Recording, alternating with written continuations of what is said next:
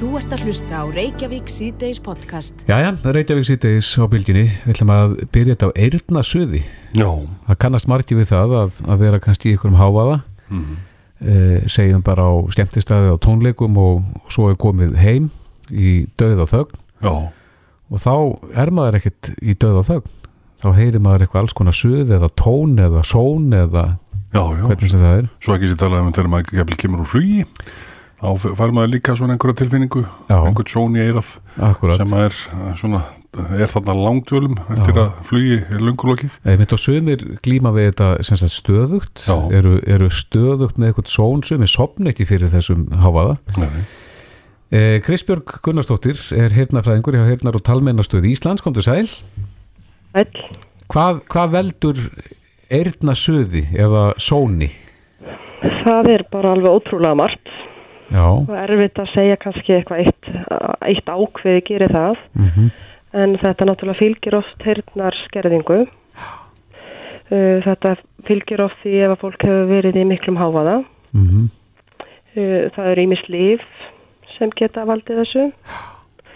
Uh, og svo bara önnur helsu vandamál eins og bara vandamál tengt stóðkerfi, blóðfrýstingi, stundum bit vandamál, streyta, stress. þannig að það er alveg ótal margt sem að getur, margt, sem getur kveikt þetta. Já, En þú segir það eru, það eru liv, uh, eitthvað starf heyrði að það væri meirinn 200 gerði livja sem að sem að Já. geta valdið eirnasuði. já, það passar. Hvernig liv eru það, veistu það?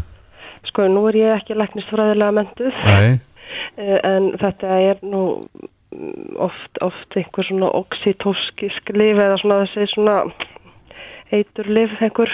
já, Um, þannig að uh, oft kannski krabba með meðferða, krabba með slif. já. En hvað með vatn? Er, uh, getur vatn í eiru uh, valdið suði?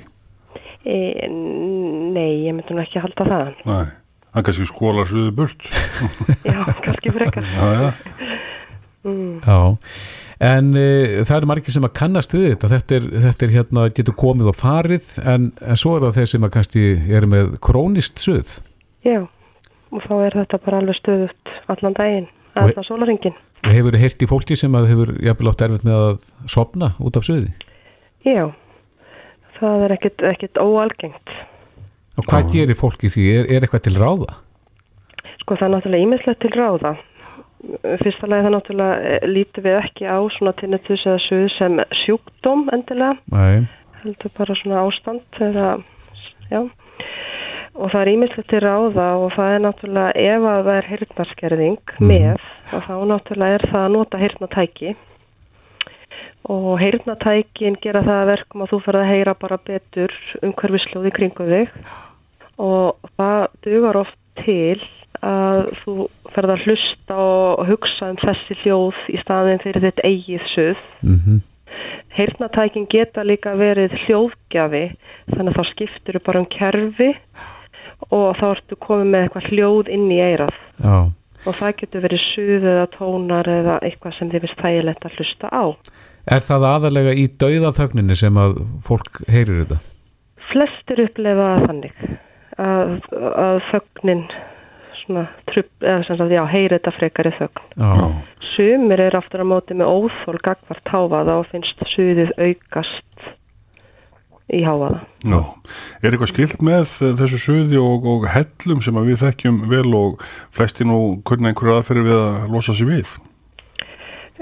Það er þá kannski meira eitthvað suð sem kemur bara og fer og getur þá verið jafnvel bara út á kvefi Já, eða einhverjum bólgum. En það er ekki, myndi ég að segja, svona krónist suð yfirleitt. Nei. En hefur þetta verið rannsakað? Hafa verið gerað tilhörni með þetta? Með hvað? Með uh, tinnitus eða, eða suðið? Alveg bara fullt af rannsóknum, alls konar. Já. Og það er bara, þetta er, þetta er mjög flókin heimur. Þú saðið mig frá tilhörnum þar sem að fólk var sett inn í algjörlega einágraðan klefa? Já, ég er náttúrulega bara heyrt af þessari tilhörun sem að það var, sagt, fólk var látið í hljóðan einangraðan klefa og átt að lýsa því hvað það heyrði. Já. Og það vissi ekki að þetta var hljóða einangraður klefi þegar það fór það inn Mhm. og það var alveg um 90% fólk sem upplifði að það heyrði eitthvað hljóð. Já, Þannig að við getum kannski hugsa okkur að þetta er kannski á einhverju leiti svolítið náttúrulegt að heyra eitthvað, eitthvað, eitthvað hljóð. inn í höfðinu Já, Já, en þá, í þessum klefa var ekki fræðilegt að eitthvað væri að smitast inn? Það var bara ekkert Nei, að heyra það var- nei, það var bara já. Alveg. En erum við fannar að vinna með ykkur með tæknina þar að segja til þess að, að snúa þessu við? Þar að segja að þetta suð getur verið að sót getur verið í ykkur ákveðinni tíðni? Já, það er náttúrulega hérna áður fyrir var mikið lagt upp úr því að mæla og finna út nákvæmlega á hvaða tíðinni hljóðið eða sótnin eða suði var. Og svo var það að reynda að maska þetta eins og við kölluðum það, að reyna að yfirgnæfa þetta. Það er nú svolítið svona gömul aðferð. er þá, er þá þetta nullað út í rauninni? Það var svona hugsunin, Já, en það er ekki gert lengur. Við hugsum þetta aðalega þannig að við erum að reyna að fá fólk til að hugsa um eitthvað annað, hlusta á annað hljóð mm og það er þá gert með heyrnatækjum eða hljóðgjafa uh, og svo náttúrulega er þessi hugurana atferðlis meðferð mikið nótið. já, já. En nú er fólk uh, tölvöld uh, í meira mæli farið að nota einhvers konar uh, uh, heyrnantól, uh, bæði sem að komið fyrir inn í eiranu og, og svo náttúrulega þessi sem við þekkjum og eru, eru utan á eiranu. Uh, hafið þið greint einhverja merkjanlega breytingu eftir að þetta fór að vera svona algengt? Sko það er, það er, ég veit að það hefur verið í núna síðustu árin stór ansókn í Svíþjóð með svona iPod kynnslóðina. Já. Það, það er bara verið að býða eftir að þessi unglinga verði eldri og sjá hvaða áhrif það hefur á þegar þau verða gömul sko. Já. En við vitum að háfaði hefur áhrif á og veist, áhrif á heyrn og þá svona tinnitus eða suð. Já. Myndur þú segja að, að best aðferð núna fyrir þá sem eru með svona uh, krónist ástand að uh, eitthvað skona hljóð væri þá besta meðalið? Ég myndi ráðleggja fólki að uh, náttúrulega byrja á því að láta mæla á sér heyrnina Já. og sjá bara hvernig staðan er á heyrninu almenn. Mm Þetta getur verið fyrsta merkjum það að heyrnin sé farin að dabrast. Já. Og síðan myndi ég þá leita mér aðstóðar þá annarkort með heyrnatækjum eða þá svona að fara í eitthvað svona húrana atverðlis meðferð eða veist, bara jóka eða eitthvað svona til að slappa af og hjálpa þér að slappa af af því að þetta er mjög oft tengt streitu og stressi. Já. Já, þannig að eitthvað skona slökun getur þá slakað á þessu ástandi. Getur gert það, já. Já, já. Já, Kristbjörg Gunnarsdóttir, heyrnafræðingur hjá Heyrnar og Talmennastöð Íslands, þetta er áhugavert. Kæra þætti fyrir spjallið. Já, takk sem að leiðis. Bless, bless. Bless. Þetta er Reykjavík C-Days podcast. Dansaði vindur, Reykjavík sýtiðis á bylginni. Við ætlum aðeins að snúa okkur að vinnumarkaðnum og, og sjálfbóðaliða starfi. Já. En uh, ASI uh, vill láta kanna hvort að uh, hjálpa samtök eins og Landsbjörg, Slýsavarnafélagi Landsbjörg, sé að fara inn á svið þar sem að vinnandi fólk er eh, hérna til staðar nú þegar Já. og hvort að hefðu ofinbera sé að misnota uh, þessa aðstóð eins og aðstóð björgunarsveitana. Uh, á línunni eru Drífa Snædal, fórsetið ASI og Snorri Magnússon, formaður landsambast lauruklumanna. Ef við byrjum á þér Drífa, akkur eru það að opna á þetta núna, sæl? Já, blessar.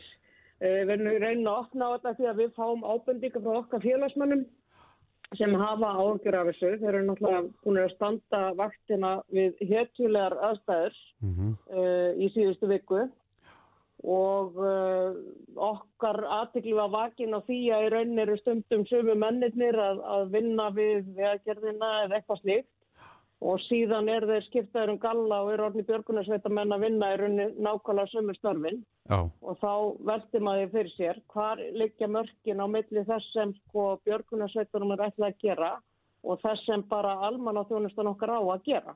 er það Við ykkar höfum tilfinning fyrst og að... fremst bara Já, áhyggjur af, sagt, áhyggjur af því að það sem verið að ganga á nærri björgunarsveitunum þeirra starfi uh, í, í slíku. Og við höfum upplýsingar um það að þeir hafa verið í, þeir fengir í landvörslu og, og jafnvel einhverjar pælingar um, um að þeir ætti að taka sér sjúkraflutninga og svo framvegs sem er svona augljóslega bara almanna og velferðarþjónusta. Já, en er það eitthvað tilfinning að, að þetta sé að færist í vöxt? Ég veit ekki hvort þetta er að færast í vöxt, en það er allavega fullt tilhæfni til að skoða það uh, hvort að ríki sé að ganga svolítið á lægið uh, og hvort að sé verið að ganga bara hreinlega of næri björgunarsveitunum í þeirra sjálfbúða störfi. Það verður við að passa að verði ekki gert. Já. Uh, Snorri Magnússon, formar landsambast lauruglumanna, sæl. Sælir. Þið, og þú hefur innbráð þessu áður og það hefur verið svona þín tilfinning að að þetta hafi verið stundað, kannski meira heldur en góða hófi gegnir? Já, við gerðum aðtöðsandi við þetta árið 2014 í kjálferða brunanum, stórbrunanum sem var þarna í skefinni. Þegar við fórum að fá ábendingar frá okkar félagsmennum um það að þeir sætu heima og byðu eftir því að vera kallaðir til vinnu við þau, þau björgunarstöður sem þar voru. Við sáum síðan allt hérna í fréttum að, að þar voru komnir björgunarsættamenn í, í störf sem að þeir töldu vera sín og gerðum við þetta aðtöðasendi við þá verður þetta lörgstur og höfðborgsöðinu og, og, og fengum svöru við því og við gerðum sömulegis aðtöðasendi við þetta á sama ári ef maður rétt uh, var þetta lokandir við uh, eldgósstöðarnar í, í hólurinni eftir, eftir aðtöðasendur ábendinga frá haka félagsmennum sipund úr og kom fram í máli drífum. Já, er, er þetta eh, jafnvel þá meira stundað uh, út á landi heldur en í borginni? Já, með að þetta snorri segir, kannski ekki. Ég er nú að fá þessar upplýsingar núna um varandi hérna brunan í skefunni uh, og mér heyrist nú að þetta sé samilega tegsmannamál okkur snarra að þetta veri kannad og ríki ekki út eftir á þessu. Já, ég, sko, ég, ég, við hefum engar, engar útrekti gert þessu hérna hjá okkur þannig að það er svo sem ekki þetta segja þetta sé kannski meira á einu stað á landinu en öðrum en, en, en uh, staðurreindi mála er eins og ég marg ítrekka það ekki aðtikla því eins og einhverju velkunnugt að ríkisvaldið hefur verið að stjera niður í almanna þjónustu uh, og sá niður skoruð hóst hjá lauruglu löngu fyrir hrun. Þannig að, að þetta gæti alveg þessi verið einhver uh, byrtingamind þess að þess að, að þess ég hefði svo sem uh, tölur eða frekari fórsendi til þess að fullir þeim slíkt. Mm. en, en þetta eru staðrendir og, og í svarbrefi frá Lörgstörnum og Höðborgsöðinu þá verendi kemur berlega fram að, að það eru björgunarsveitina sem að bjóða fram aðstóð þannig í skeifu. Það er ekki leitað til þeirra það er bjóða að fram að þeirra Já Þannig að, að þú vilt meina þá að, að björgunarsveitina séu þá að, að ganga inn á, inn á þetta svið frekar en að það sé óskað eftir? Eh, allavega í þessu máli hérna í, í, í brunanum í skeifunni það, það stendur bara orðrætt í, í brefi eh, embættisins að þegar rúmlega klukkustöndur liðin frá útkalli fekk vettfangstjóri lauruglu bóð frá fulltrúa svæðistjóna björgunarsveitina sem bauð fram aðstóð sveitana vettfangstjóri lauruglu tók ákvörðunum að þykja þá aðstóð. Já.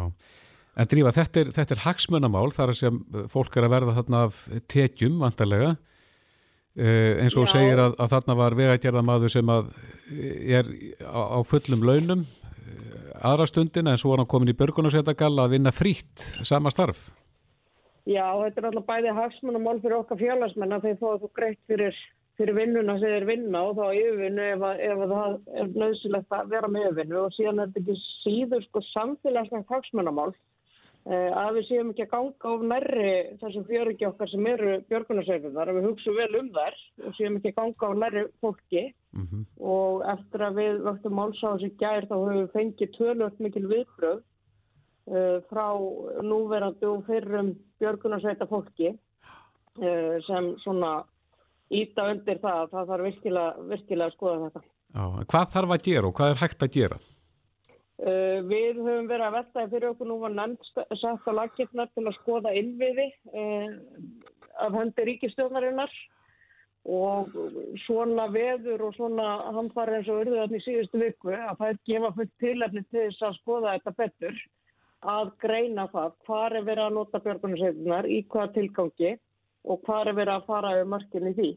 Þannig að það er spurning hvort að, hvort að nefnd eins og þessi fá eitthvað útíka hlutverk en við munum allavega óskæfti því við ráðnætti að veri, þetta veri kortlagt. Já, Snorri, þarf að setja ykkur mörg? Já, ég held að þurfa að setja ykkur mörg og, og, og rétt að ítrekka það sem að ég ítrekkaði í viðtölum sem að áttóru við mig þarna 2014, það er ekki verið að kasta rýrð á einna ennit með þessu það er bara verið að benda á að þarna gæti verið sagt, að ríkisvaldið sé að ganga á velvilja björgunarsveitana og gæti orsaka það að, að, að fólk fáist síður til þeirra starfa Eh, þannig að ég held að sé ágætt að, að þetta sé skoðað og bara reynilega að meti hver staðan er eins og drífa kemur inn á þessar mögulegu nefnd þarna. Því að, að eh, það gengur ekki til lengtar að ríkisvaldið e, notfæri að stöðu sína þessu leiti og á sama tíma skeri niður í almannafjörustuna þannig að hún, hún stendur ekki undir þeim, þeim merkjum sem henni ber að halda flótti. Já. Drífa, hafið þið fengið eh, hérna viðbröð við þessi dag frá einhverjum öðrum heldur en fyrirverandi björgunarsvetamönnum? Já, við hefum fengið viðbröð bara frá okkar félagsmönnum og svona fólki sem sendur okkur línu uh, og, og einhverjir hafa sagt sko að þeir hafi hægt í björgunarsveit af því að það var ómikið álag uh, og það er náttúrulega ekki gott, við viljum það ekki. Æ. Við viljum viðhalda björgunarsveitunum og fara vel með þær og passa upp á, upp á að vera ekki að setja ómikið á þær. Eh, þannig að við hefum fengið, já, margvísleg viðbröð sem staðfestur okkur í þeirri trú að það, það þarf að skoða þetta.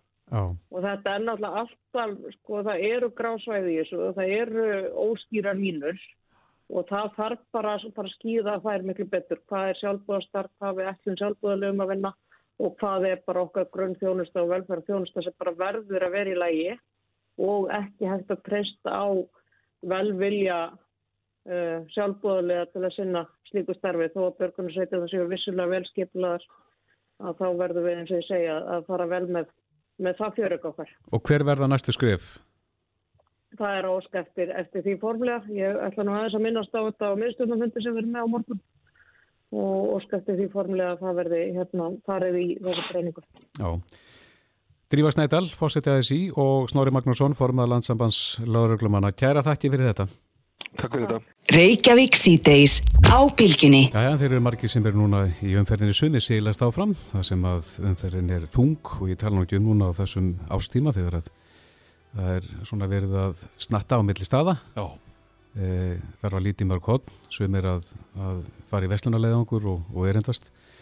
En e, það er grein sem að byrtist inn á vísi.is sem að byr yfirskriftina Engabílinni döður og það er Sævar Þóri Jónsson lögmaður sem að skrifar en, en hann skrifar þessa grein þó uh, sem uh, bíladellu kall á háu stígi uh, Sævari komin, velkomin ja, ja, Það er mikið talað um orkustíftin og þú kynnar hans inn á það í, í þessum pisliðinum og þú segir að enga bílinn sé döður Hver, hvernig kemst það þeirri niðurstu? Já sko, það er kannski svolítið dramatíst en, en ég tel að í þeirri mynd sem hann er í dag annarkort sem bensinknúin eða dísinknúin bíla þá sé hann svona hluta fortíðin en ekki framtíðinni mm -hmm. og ég tel að við þurfum svolítið að horfast í augu við það að þá staðrind að það er eiga sér stað orkuskipti, það er ákveðin svona bilding í okkar umhverfi, í orkumálum og tæknimálum eiga sér stað og við þurfum bara að horfa fram á veginn en, en, en við erum allt og mikið í núinu þegar að kemur að þessu og ég tel að svo sín sem að ég hef sem bíladellu kalla því að ég hef nú gegnum árin og áratíðin að fylgst með bílum og, og framleyslu bíla og hef mikið áhuga á hvað framtíðin hefur byrjuð skautið sér þeim málum, þá bara mhm. sé ekki fyrir mér að,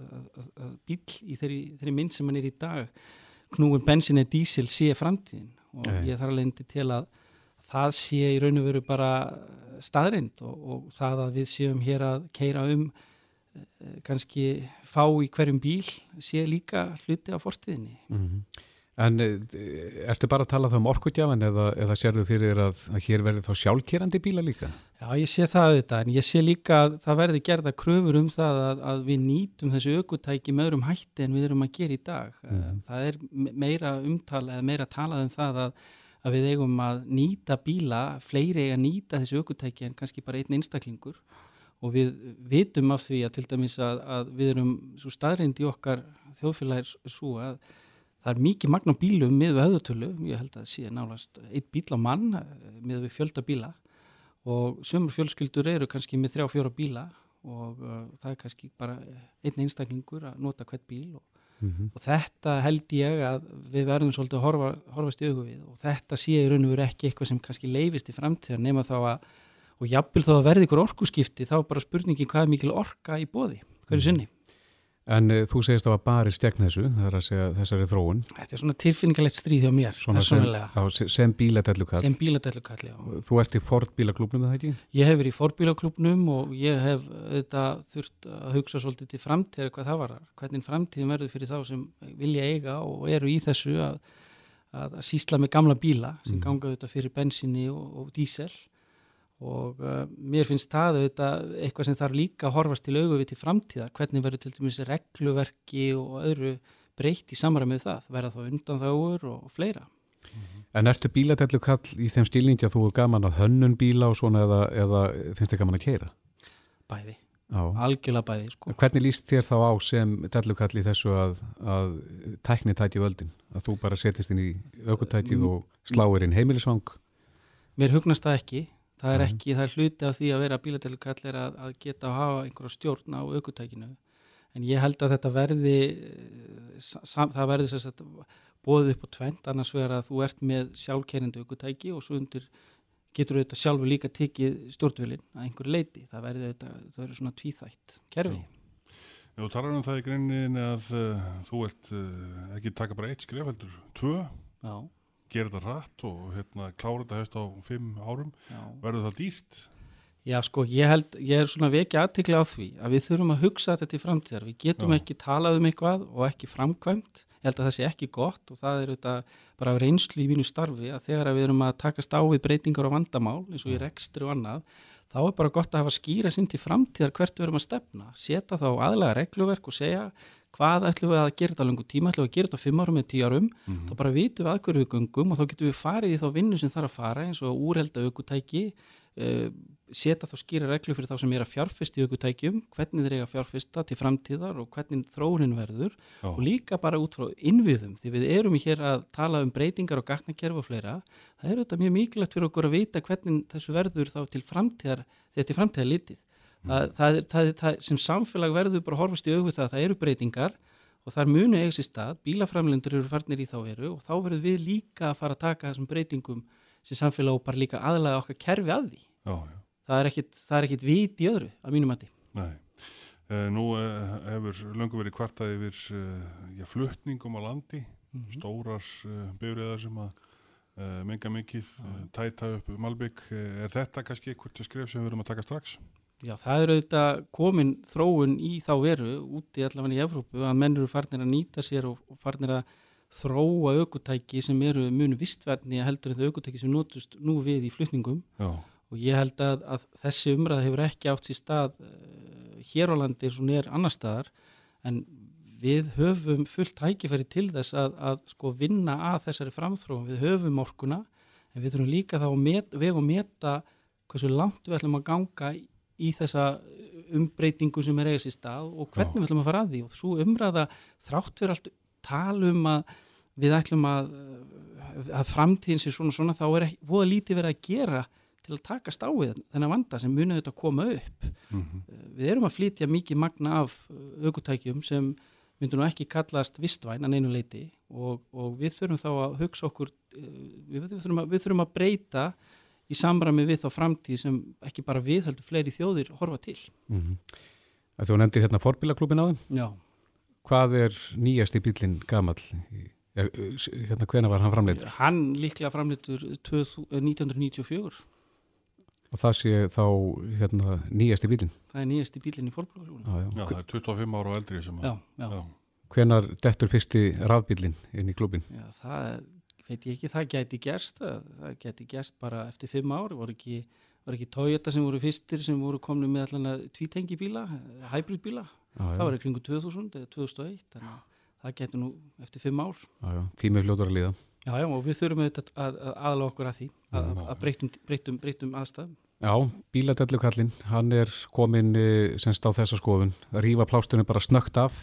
Klárið þetta? Klárið þetta. Já Sævar Þóri Jónsson, eh, lagmaður og bíladellukall. Það má finna greinina þína, enga bílinni döður, inni á vísi.is. Takk fyrir komuna. Takk fyrir. Frettir og fróðleikur, Reykjavík síðdeis á Bilgjunni. Já, Reykjavík síðdeis á Bilgjunni. Við ætlum að ræða málefni sem að er mjög viðkvæmt og, og vekur upp eh, tilfinningar þegar þetta ber á góma hjá mörgum en, en það er þessi svo kallega dánaraðstóð.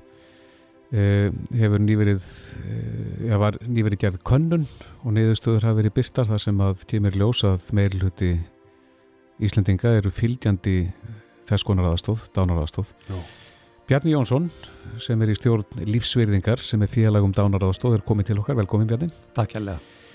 Þetta er vikvæmt mál. Mjög. Og uh, en það hefur orðið eitthvað þróun í, í afstöðu fólks til dánaraðstofar er það ekki? Jú, hér á landi var að gera konun árið 2015 sem seðmætt stóð að og, og hérna þar voru 74% landsmanna uh, lind dánaraðstof og uh, rúmlega 7% uh, því andvík Mm -hmm. og það má eiginlega segja sé svona startskoti fyrir, fyrir stofnun á lífsverðingu því að 2017 uh, hérna, stofnum við það, þau samtök og auðvitað viljum við fá að sjá hver breytingin er og nú er liðin um þá hvað þrjú fjúur ár síðan þetta var, fjúur ár Mm -hmm. Svo við letum framkvæma, maskinu framkvæma könnum fyrir okkur núna í nógumber og það er niðurstæðan er svo að eh, stuðningu við dánarastóð eikst og er rétt tæp 78% Mm -hmm. og að samarskapi þá fækkar þeim sem eru, eru þessu andvýr. Förum að sér þetta, hvað er dánaraðstof, hvað fælst í því? E, e, í dánarástu fælst í því að einstaklingur verulega kvalinn eða með sjúkdóm sem er talin vera ólæktanlegur. Mm -hmm. Við tölum nú aðalega um, um kvalirna vegna það, það er eitthvað sem einstaklingur upplifur einn en að sá einstaklingur geti fengið þá aðstof við að stitta það kvalaræði í lokin. Og það er þess að þá erum við að tala um mjög stífan ramma utan um heimildina til að sækja sér dánarastofar. Mm -hmm. Hver ætti hann að vera? Þessi rami, hver á að draga mörkin? Sko, eins og ég segi, sko sá eini sem getur metið hvaða kvalir hann hefur er sá einstaklega sem hefur þar. En hins vegar þar, þá er til þess, og við vísum svolítið til Hollands, þá er það mjög náið samstarf eða já, einstaklingsins við sín heimilisleitni sem þá í gegnum árin fær þá vitneski frá sínum sjúklingi eða frá sínum einstaklingi að hann vilji þegar og ef það kemur að þessu, þessar stundu uh, fá dánarastuð. En uh, nú eru þið með niðurstöðu konuna sem að sínir að meirluti landsmanna er fylgjandi þessu en, en uh, hefur meirluti heilbyrðist áskóls ekki verið andrikt þessu? Jú. Þetta kemur aðeins inn á hippokratessa reyðin og... Já. Sko við hérna fundum tölur, nýjustu tölur um afstöðu helbriðstarfsmanna í Íslandi er frá 2010 mm -hmm. og uh, ætla aðeins að tengja það nefnilega vegna þess að í, í júni síðastleginn þá var samtlýtt skýslubeðinu alþingi um uh, dánarastóð. Einn af þeim liðum sem þar eru er einmitt að framkvæma viðhórsköfnir meðal helbriðstarfsmanna um afstöður til, til dánarastóðar. Mm -hmm. Því að þessar tölur frá 2010 benda til þess að 80% lækna eru því fylgjandi uh, og árið 97 voru þið bara 5% og meðar uh, hjúgrunarfræðinga eru þessi stuðningur um 20%. Við höfum hins vegar uh, tölur til að, að skoða frá Norðurlöndum því að við hittum kollega okkar núna í september mm -hmm. og tölur frá Finnlandi er enda frá 2013 benda til þess að 46% lækna eru fylgjandi dánarhastöð.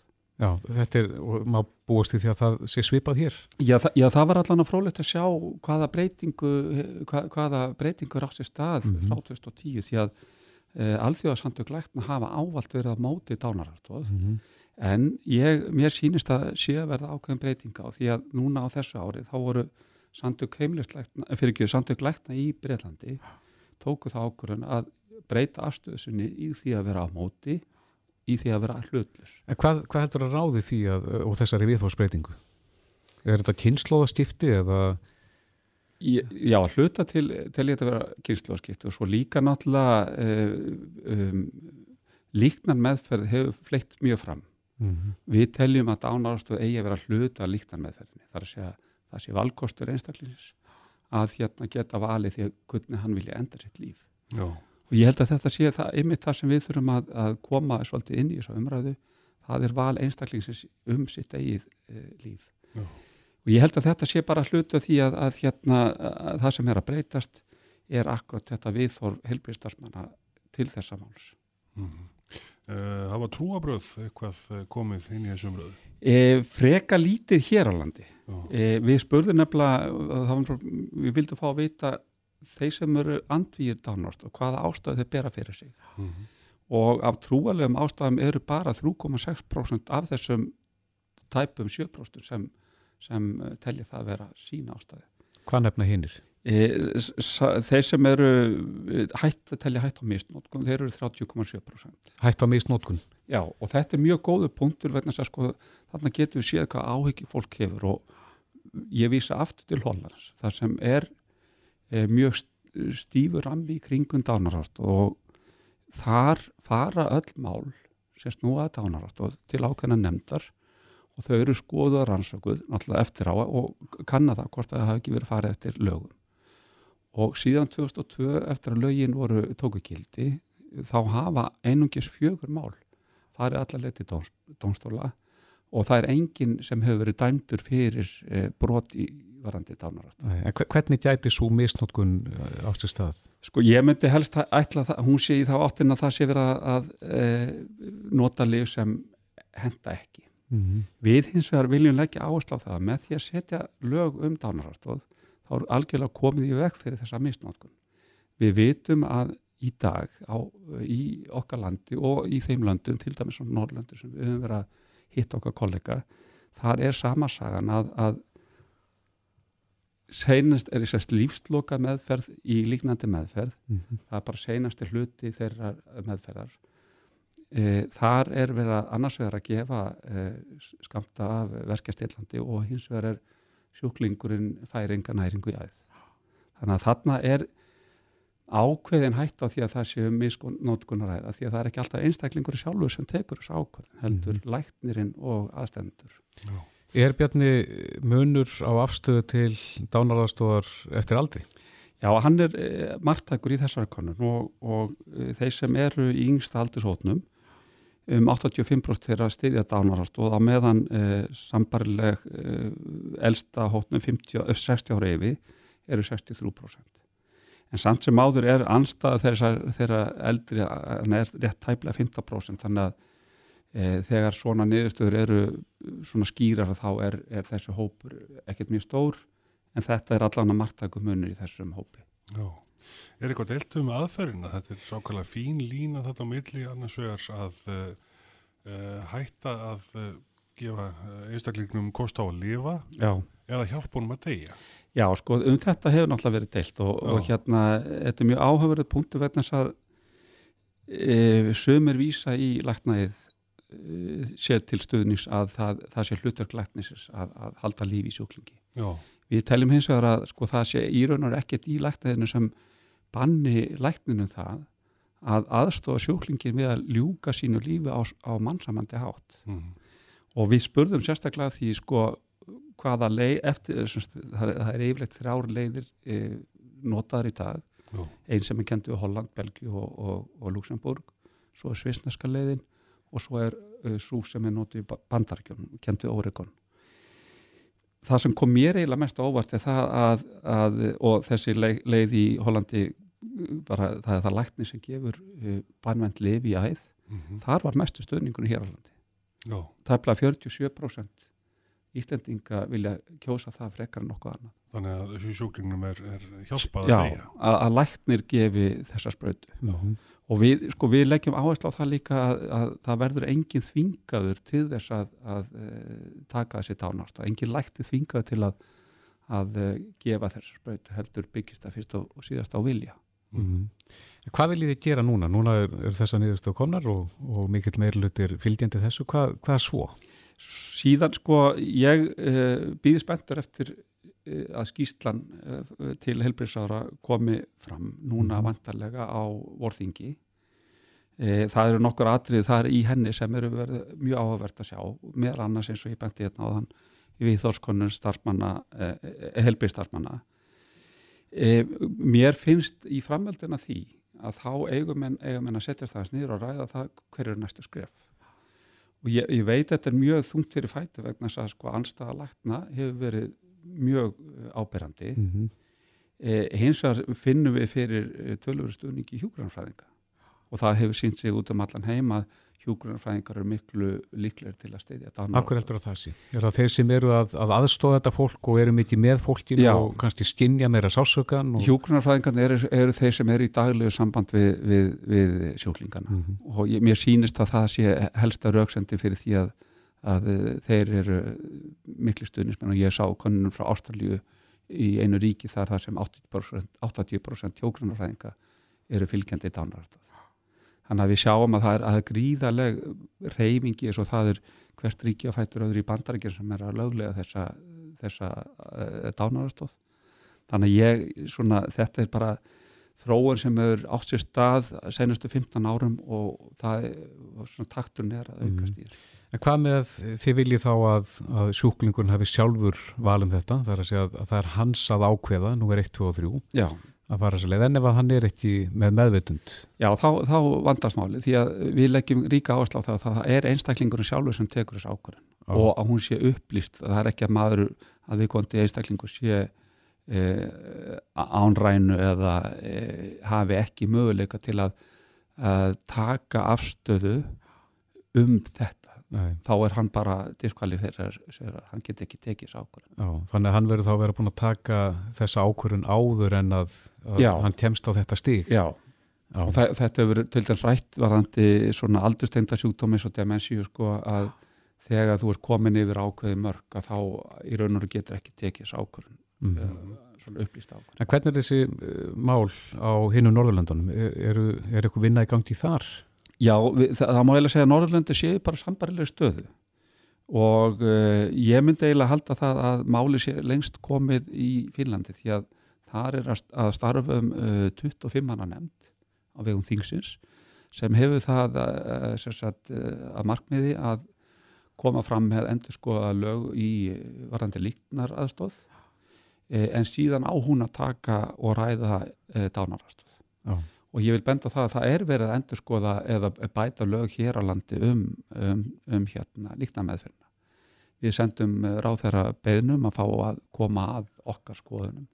Og því miður þá náðu við því ekki í gegn. En ég tel, tel að það sé mjög mikilvægt að við fáum að koma að skoðunum okkar í þessu máli. Því að eitt er það að stjórnmálamenn hafi í raun og veru ákvörnavaldið hitt er líka hvað eh, einstaklingar og kjósendur út í samfélaginu hafa að segja. Já.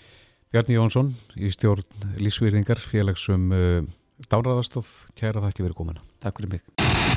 Send okkur tölvupóst reykjavík at bilgjan.is Helgi Björnsson, þetta er letilagið letilag jólana ef ég nenni uh, fínt búið að hérna festa sér í sessi sem uh, jólalag Herðin aðeins hérna að netinu, það var sett inn e, færslæðin á fjersbókina e, íbúi Reykjanesbæ sem að setur þetta inn. Og hér segir þeir sem eigið börn hér í Reykjanesbæ endilega tali við þau um að passa sig á ókunnugum. Stelpuna mína voru að lappa heim úr skólanum, hafa liti skóla og hóteli sem það er beint á móti, e, starthótelið, það stoppar bíl og sagt við stelpuna mínar á ennsku að koma en þær segja nei og hlaupa í burtu. Þá hljóp annar af mönnunum eh, á eftir þeim en þær komust undan. Þetta var dökk Toyota líklegast með dökkum rúðum og hún sagði að það hefði verið talan tveir á númeraplötunni. Þeir voru tveir í bílnum og töluðu ennsku. No. Þetta eru alltaf ríkalega fréttir og uh, rýður mikið á að ná svona mönnum Já, já, komaðum bara uh, undir uh, hendur lagana varðum Já, þannig að þið sem að verði vittni að svona það sem að stöðvar bifrið og, og er við að, að tala við börn já. veiti þessu aðtegli og bara ekki... takk ég upp síman ykkar og takk ég myndir allavega leggja númerið á minnið mm -hmm. þannig að ef eitthvað gerist þá er allavega númer eða mynd já. þannig að, eh, að maður geta náttúrulega verið verið ímislegt í gangi eitthvað ættingi að tala við barnið eða eitthvað svo leiðis eða hvernig það er en en uh, það, er, það verður að ná svona uh, aðilum, ekki spurning. Mm -hmm. Herru en, yfir í jákvæðari hluti, það er náttúrulega jólin álgast og uh, margar bækur sem að koma út fyrir þessi jól. Á línunni Bryndis Lofsdóttir hjá félagi Íslenskra bókaóttjænda Sæl Bryndis Já, blessaður Hvernig fara þessi bókajól af stað? Þau fóru náttúrulega bara strax af stað bara í, í, í já, oktober, november með, með gríðalegri útgafu, útgafu sem við hefum bara ekki séð neinu, neitt þessu líkt bara í, í, í skaldaskonum Já, og, og hérna þá verður maður þetta bara, kemur kvíðan húturinn, hvernig fer þetta allt saman. mhm, En þetta verðist nú allt vera bara, já, bara bókum er vel tekið og, og, og ég held að ég get alveg fullist það að bókin sé en þá vinsalasta jólakjöf þjóðarinnar sem betur fer. já, er eitthvað sem kemur á óvart? Já, það er nú, já, já, það er það. Það er nú bara eins og, sko, í skaldaskonum þá eru að koma, það eru 19 nýjar íslenskar glæpasugur þetta árið. Já, er það með? Það er algjört met og það er ekkert rosalega mörg ár. Það er bara, hvað, svona kannski 89, já, svona kannski, já, fyrir uh, 30 ára síðan eða svo. Það voru að koma þetta margar íslenskar skaldsugur allt í allt. Mhm, Þannig að, að, að þarna eru bara glæpasögurnar. Uh, svo lýst að það er auðvitað mjög skemmtilegt og, og gaman að sjá auðvitað erum við með þessa, þessa svona uh, velþektu glæpasagna uh, höfunda hetjur okkar, mm Mhm. svo má segja, Arnald og Yrsu og, og, og Ragnar. Já, En það eru líka að koma, koma inn nýna og það er rosalega skemmtilegt að sjá. mhm. Er eitthvað sem að skrifa þetta dulnefni? Það er alltaf Stella Blomqvist. Já, og er hérna, er ný bók eftir Stellu núna? Ekki í ár, nei, ekki í ár. Það var í fyrra. Og er, er, veit enginn hver Stella er? Jú, þeir sem að leggja inn á reikningin hennar held ég. En það ert ekki þú? Nei, herðu, ég veit ekkert hver hún er og bara, já, nei, ég veit ekki. Nei. Það var komið ísað tilgætur eins og til dæmis Davíð Oddsson eitthvað tíman. Já, Þorfjörður Þráinsson? Já. heldur að hann sé svona kingi. Ég veit það ekki. Hver Davíð eða Þorgrymur þá? Ég veit það ekki, þetta er svolítið svona kín. Já, já. Þess vegna þarf kannski að nota til nefni til þess að... Já, já, já, akkurat. Já. Nei, nei, það er ég, hérna, ég, og þetta er ekki ég, ég get sagt það. Það er. Staðfesti það hér með. Já. En uh, hvernig lítur topplistin út núna?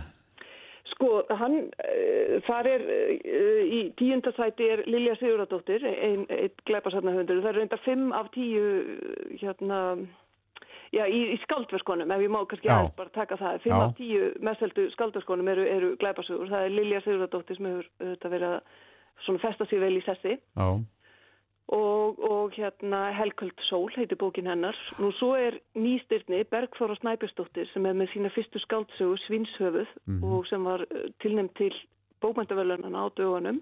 Hún hefur enda að gefa út eina ljóðabók áður og svo var líka tilnæmt til íslensku bókmæntavelunana, svo því sé haldið til haga. já. Þannig að það er nú alltilis efnileg stúlka á ferð.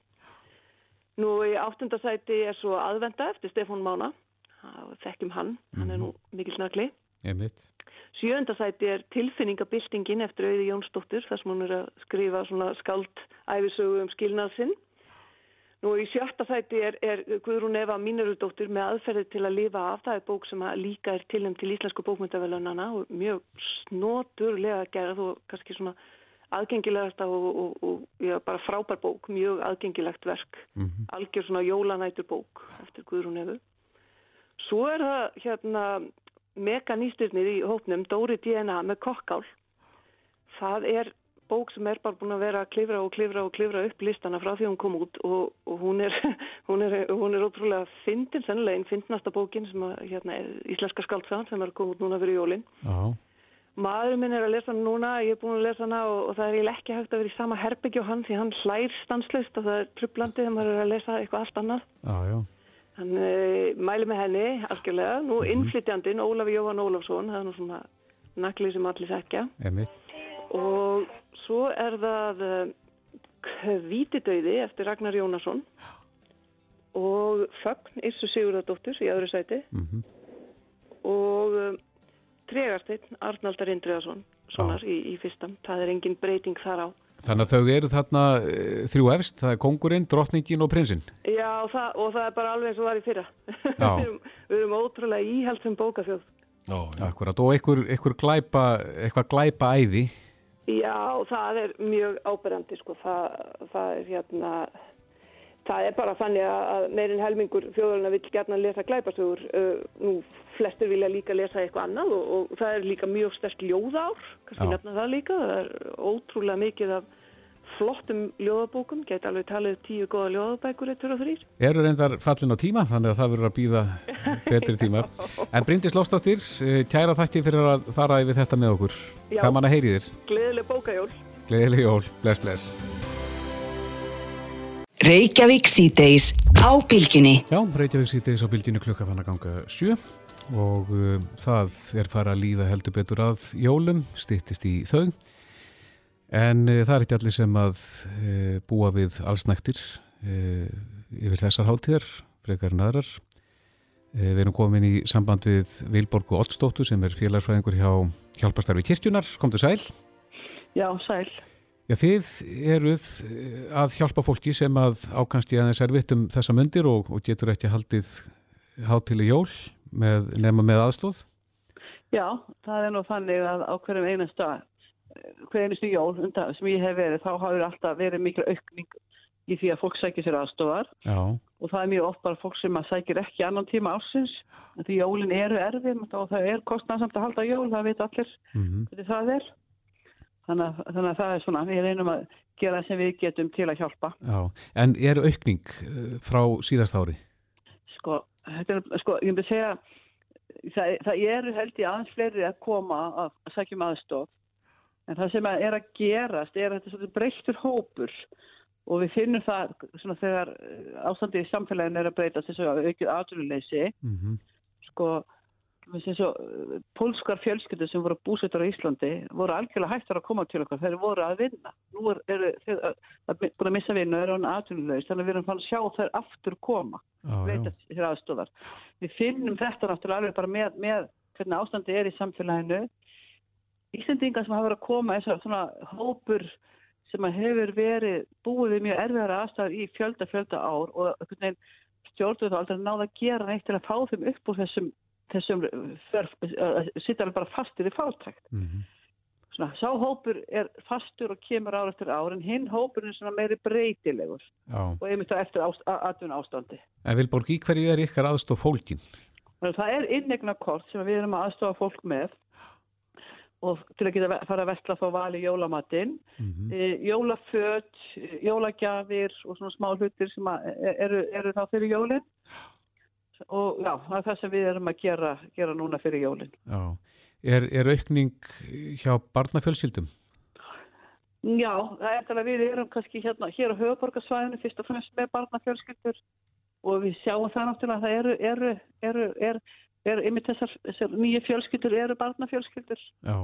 En þú, þú nemur þá að aukningin er þá hjá uh, erlendum aðilum sem að... Já, kannski meira það, sko, hópur sem var eiginlega hættur að koma þegar hann var í vinnu og kannski ástandi hjá þeim betra. Já. Fólk sem kannski búin að búa hérna í fjölda ára er að búin að missa vinnuna og er þá að koma.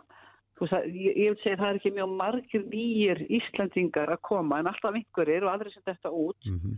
En hópur eins og sannarlega til staðar sem búin að vera fjölda ára og býr við mjög krökkjör og mjög erðar aðstæður sem eru jólin og bara allar hátíðir sem eru jólið að byrja eða ferming eða páskar allt bara mjög erfiður tími bara að, að, að, að gera og, og bara og við þurfum sem samfélag að fara að gera eitthvað til að hjálpa þessum hóp hann er búin að vera hana í allt og allt og langa tíma Hvað eru margir aðilega sem að leita aðstóða núna fyrir jólinn? Sko fyrra voru það held eitthvað svona 13-1400 fjölskyldur við býstu að þetta sé kannski eitthvað aðeins meira núna Já.